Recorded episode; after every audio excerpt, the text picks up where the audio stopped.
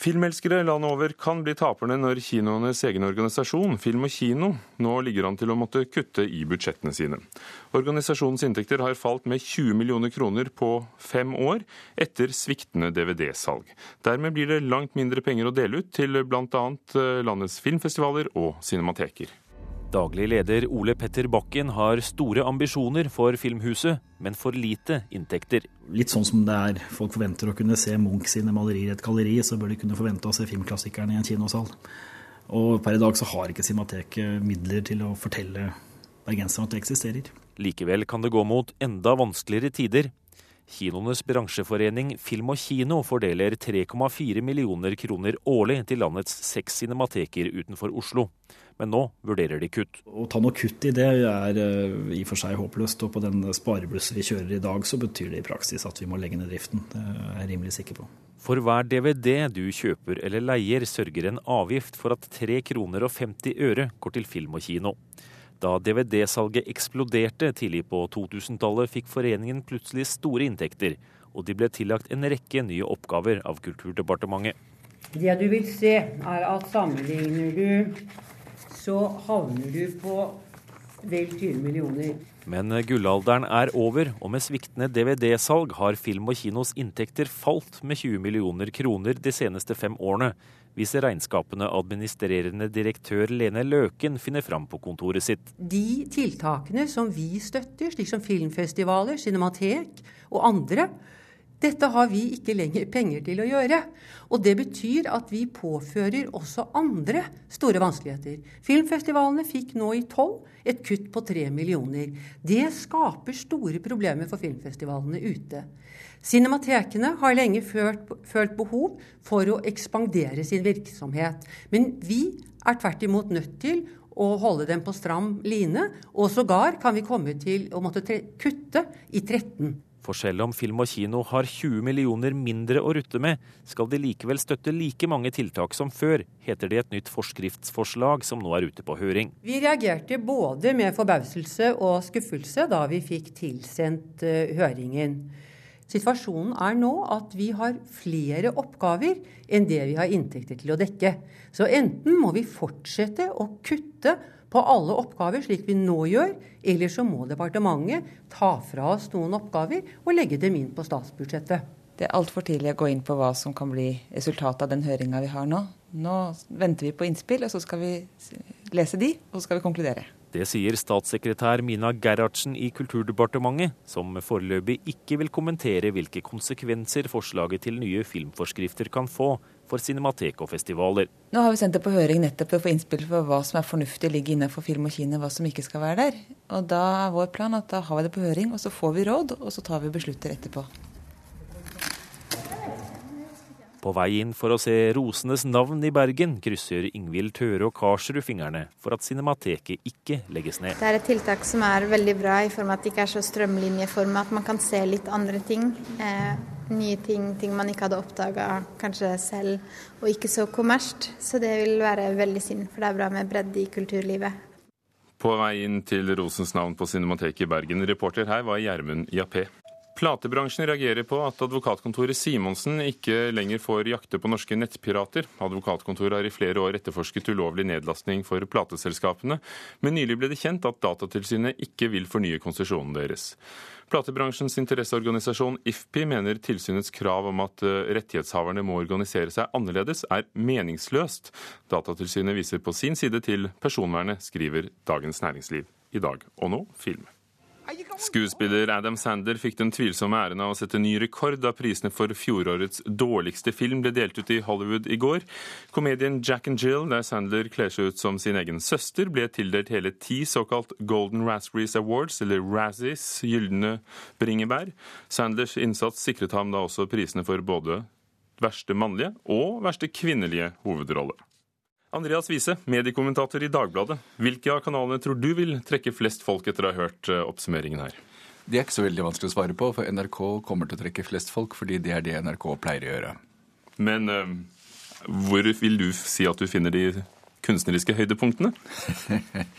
kunstneriske høydepunktene er jo én ting, men uh, altså, det, no, noe av utfordringen med disse påskekrimene er jo simpelthen å få tak i seriene.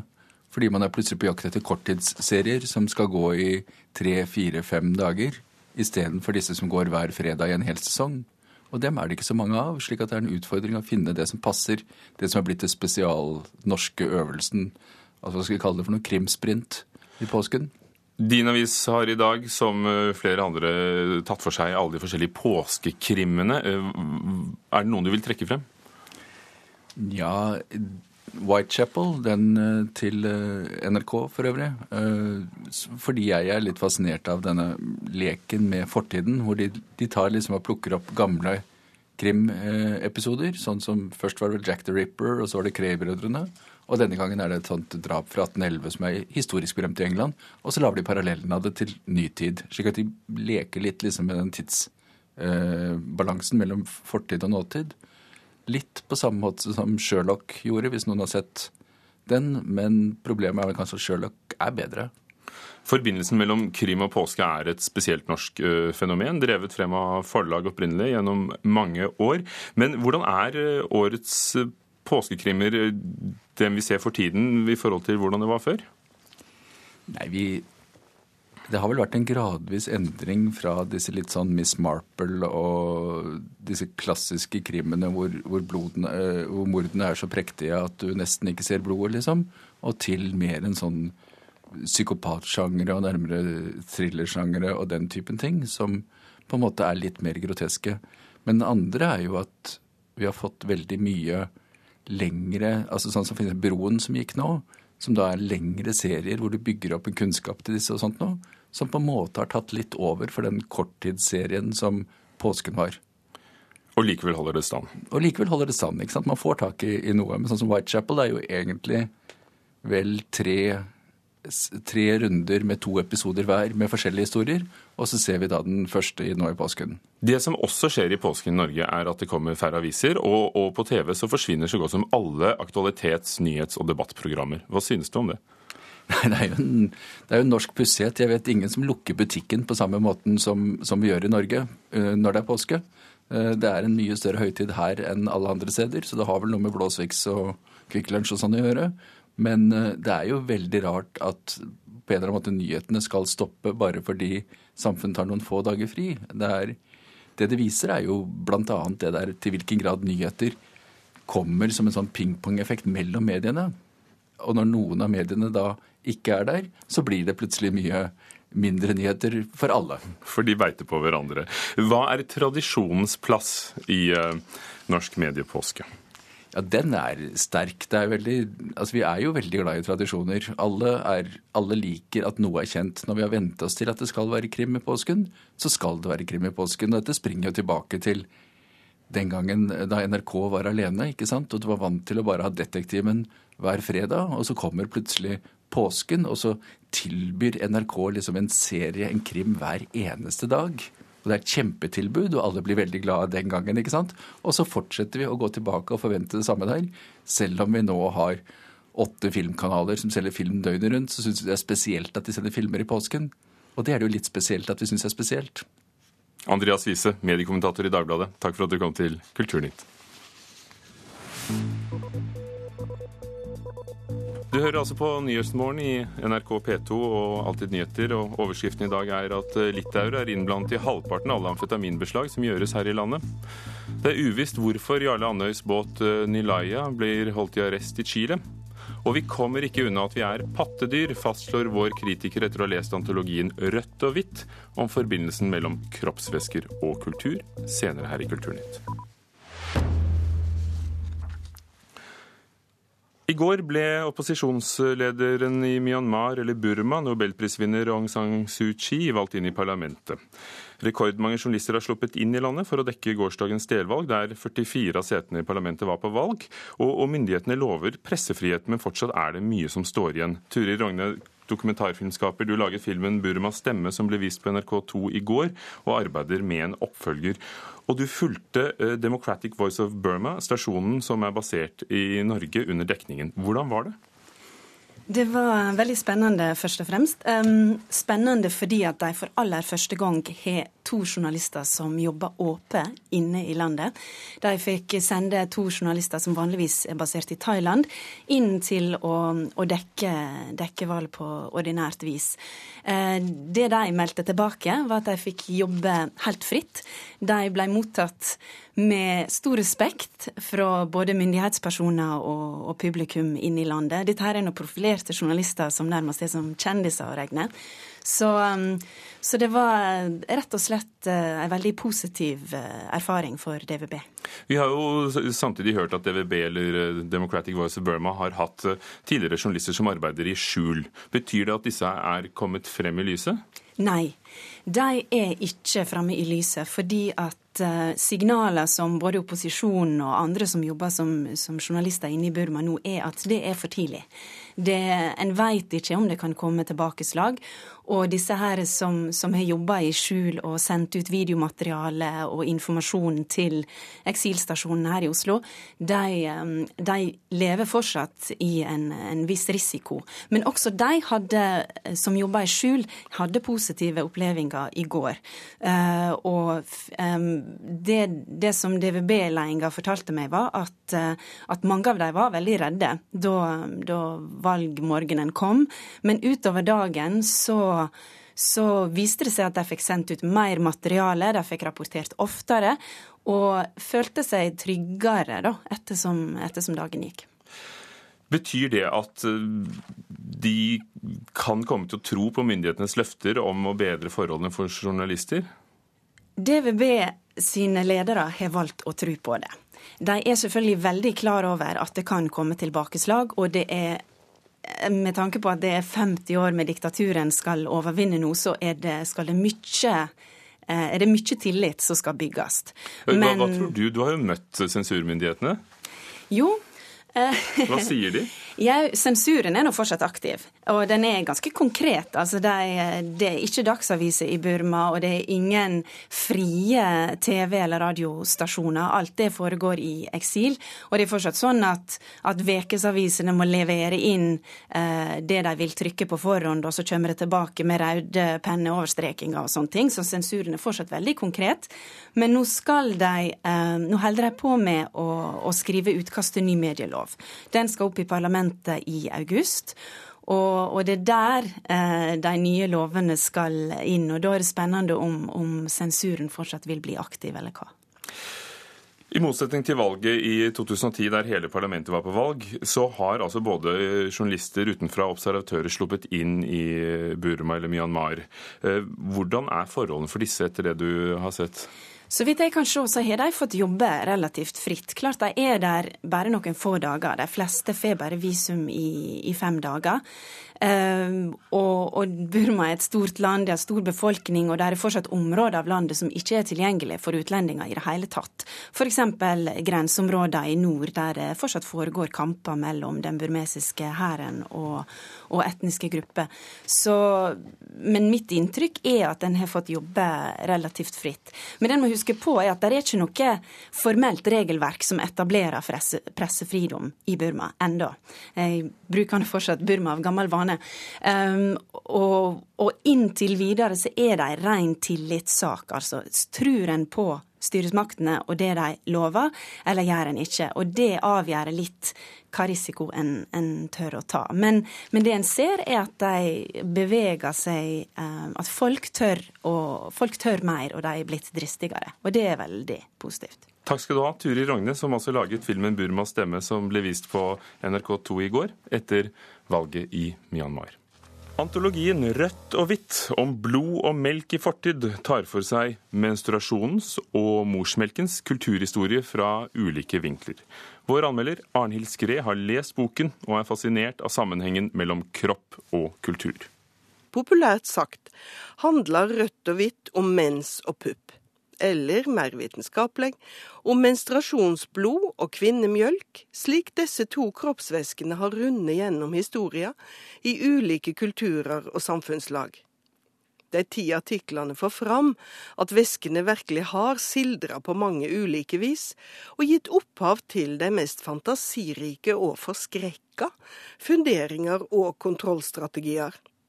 Visste du for eksempel at franske overklassekvinner på 1700-tallet lurte seg til å amme barna sine sjølve, fordi det gav dei slik ustyrlig fryd, nesten på linje med å ligge med en elsker de elska?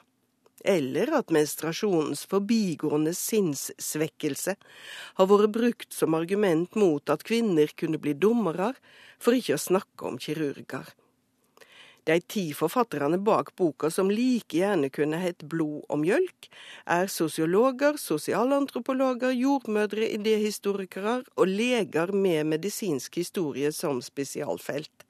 Ei blanding altså mellom naturvitere og samfunnsforskere, og nettopp dette ser ut til å ha vært et igangsettende poeng bak bokarbeidet og vise at det ikke er nødvendig å konstruere noen motsetning mellom det å finne årsaksforklaringer i natur og i kultur. Kroppsvæsker ute av kontroll er knyttet til skam, sjøl i vår ellers så eksplisitte kultur. I Norge anno 2012 er det tydeligvis utenkelig å vise bilder av mensblod i reklame for bind og tamponger brystmjølk har mindre kjensel knytt til seg, men artiklene tydeliggjør for meg hvor sterkt vi strever med å avgrense oss fra ammingas bånd til det dyriske. Vi kommer ikke unna at vi er pattedyr, i klasse ikke bare med apekatter, men også gris, rotter, kenguru og jeg veit ikke hva. Men vi kan insistere på det menneskeleg forskjellige ved å bruke det trøystende ordet morsmjølk, i stedet for det mer presise kvinnemjølk. Det eneste punktet der det skurrer for meg, er når redaktørene påstår at menns sæd er ei så fullt kontrollerbar kroppsvæske. Likevel, skal du lese ei akademisk artikkelsamling for moro skyld i år, er ikke rødt og hvitt noe dumt valg. Det mente Arnhild Skre om antologien 'Rødt og hvitt om blod og melk i fortid og samtid', som altså er skrevet av Hilde Bondevik og Anne Kveim Lie. Dette er fra den første, første påskelabyrinten i 1987 i gamle P2. Og om litt under to timer starter årets påskelabyrint i P1, og der er du programleder Viggo Valle. God morgen. God morgen. Eh, hvorfor tror du at påskelabyrinten har overlevd og hatt sånn suksess i 25 år? Det er jo ikke så veldig lett å si, men det er vel en kombinasjon av ei ideell sendetid der folk eh, som hører på, har fri over lang tid og kan sitte ved radioapparatene, og det at nordmenn er veldig veldig glad i å bli testa på sine allmennkunnskaper gjennom quiz. Det ser vi jo i både radio, TV, aviser, ukeblad og, og popquiz har vi jo på, på P1 fra før, og vi har eh, pubquiz og alt mulig sånne ting. Så det er vel den kombinasjonen, vil jeg tro. Hva er det de skal finne ut av, kan du minne oss om det? Altså, Hele ideen går jo ut på at det er en skatt som er gjemt et eller annet sted ute i verden. Og så skal man prøve å finne fram til den reiseruta som leder til denne skatten i løpet av seks dager i påska. Og vi starter altså i dag med den første geografiske oppgaven da, som eh, faktisk regional- og kommunalminister Liv Signe Navarsete presenterer. Hvordan har dette forandret seg gjennom 25 år? Først og fremst ved at eh, nå har jo folk tilgjengelig oppslagsverk på iPhonen sin eller på, eh, på PC-en, og de har trådløse nett på hytte og rundt omkring overalt, slik at tilgjengeligheten for å finne ut av, eh, av oppgavene er jo mye større enn den var i 1987. Da hadde jo folk eh, stort sett kanskje et ettbinds leksikon eller et atlas med seg på hytta og satt og, og slo opp i. Men, men, fersker du dem? Gjør du oppgavene vanskeligere? Hvordan, hvordan uh, møter du fenomenet? Ja, For en tre-fire år siden så måtte vi sette oss ned og finne ut av uh, hvordan vi skulle lage bedre radio. For da ble det veldig kjedelig i radio ved at folk satt og var mer opptatt av å, å google på nettet og, og, ha et apparat med, med, familien rundt seg som fikk inn tekstmeldinger og sånn. Og da fant vi ut at vi for det første måtte være litt strengere. At folk ikke fikk bruke så veldig mye tid på å slå opp. Og for det andre at oppgavene måtte eh, være av en sånn karakter at de ikke så lett lot seg slå opp på nettet. Og dessuten så instruerer vi jo de som er med om at de er deltakere i et radioprogram, først og fremst. Og eh, hvis radioprogrammet blir dårlig, så er det ikke sikkert at de får være deltakere. Hvordan står det til med folks kunnskaper, vil du si? Veldig bra. Jeg, jeg slutter aldri å bli overraska over hvor fantastisk dyktige folk er. Og etter 25 år med Postlabyrinten så har folk på en måte også knekt koden. Så selv om jeg bruker veldig mye omskrivinger i mine oppgaver, så, så er folk med på disse omskrivingene òg og vet hvordan jeg tenker. Og da eh, gjør det jo at eh, de kommer fram til til dels vanskelige svar, eh, til tross for at jeg har lagt mye arbeid i å, å gjøre det vanskelig. Men du, Viggo Valle, hvorfor er det alltid med en oppgave fra Finnmark? Rett og slett fordi at det fortjener finnmarkingene. Kunnskapen om vårt nordligste fylke pleier å si er omvendt proporsjonal med avstanden dit i Norge. Og Det betyr at uh, vi trenger litt folkeopplysning om vårt nordligste fylke. Det er et fantastisk uh, fylke på veldig mange måter. Jeg har selv uh, tilbrakt fem år der da jeg jobba i NRK Finnmark på 80-tallet. Og, og, og det får de igjen for nå. Og så er det altså sånn at 903 000 lyttere lyttet på finalen i fjor. Kanskje ja. det blir like mye i år. Takk for at du var med, Viggo Valle. Påskelabyrinten er klare klokken 10.05 i P1, altså. Dette er Kulturnytt i Nyhetsmorgen på P2, der du bl.a. hørte at filmelskere kommer til å tape når kinoenes egen organisasjon mister inntekter, fordi vi kjøper færre DVD-er. Kulturnytt var ved Espen Hansen, Halvor Haugen og Ugo Fermariello.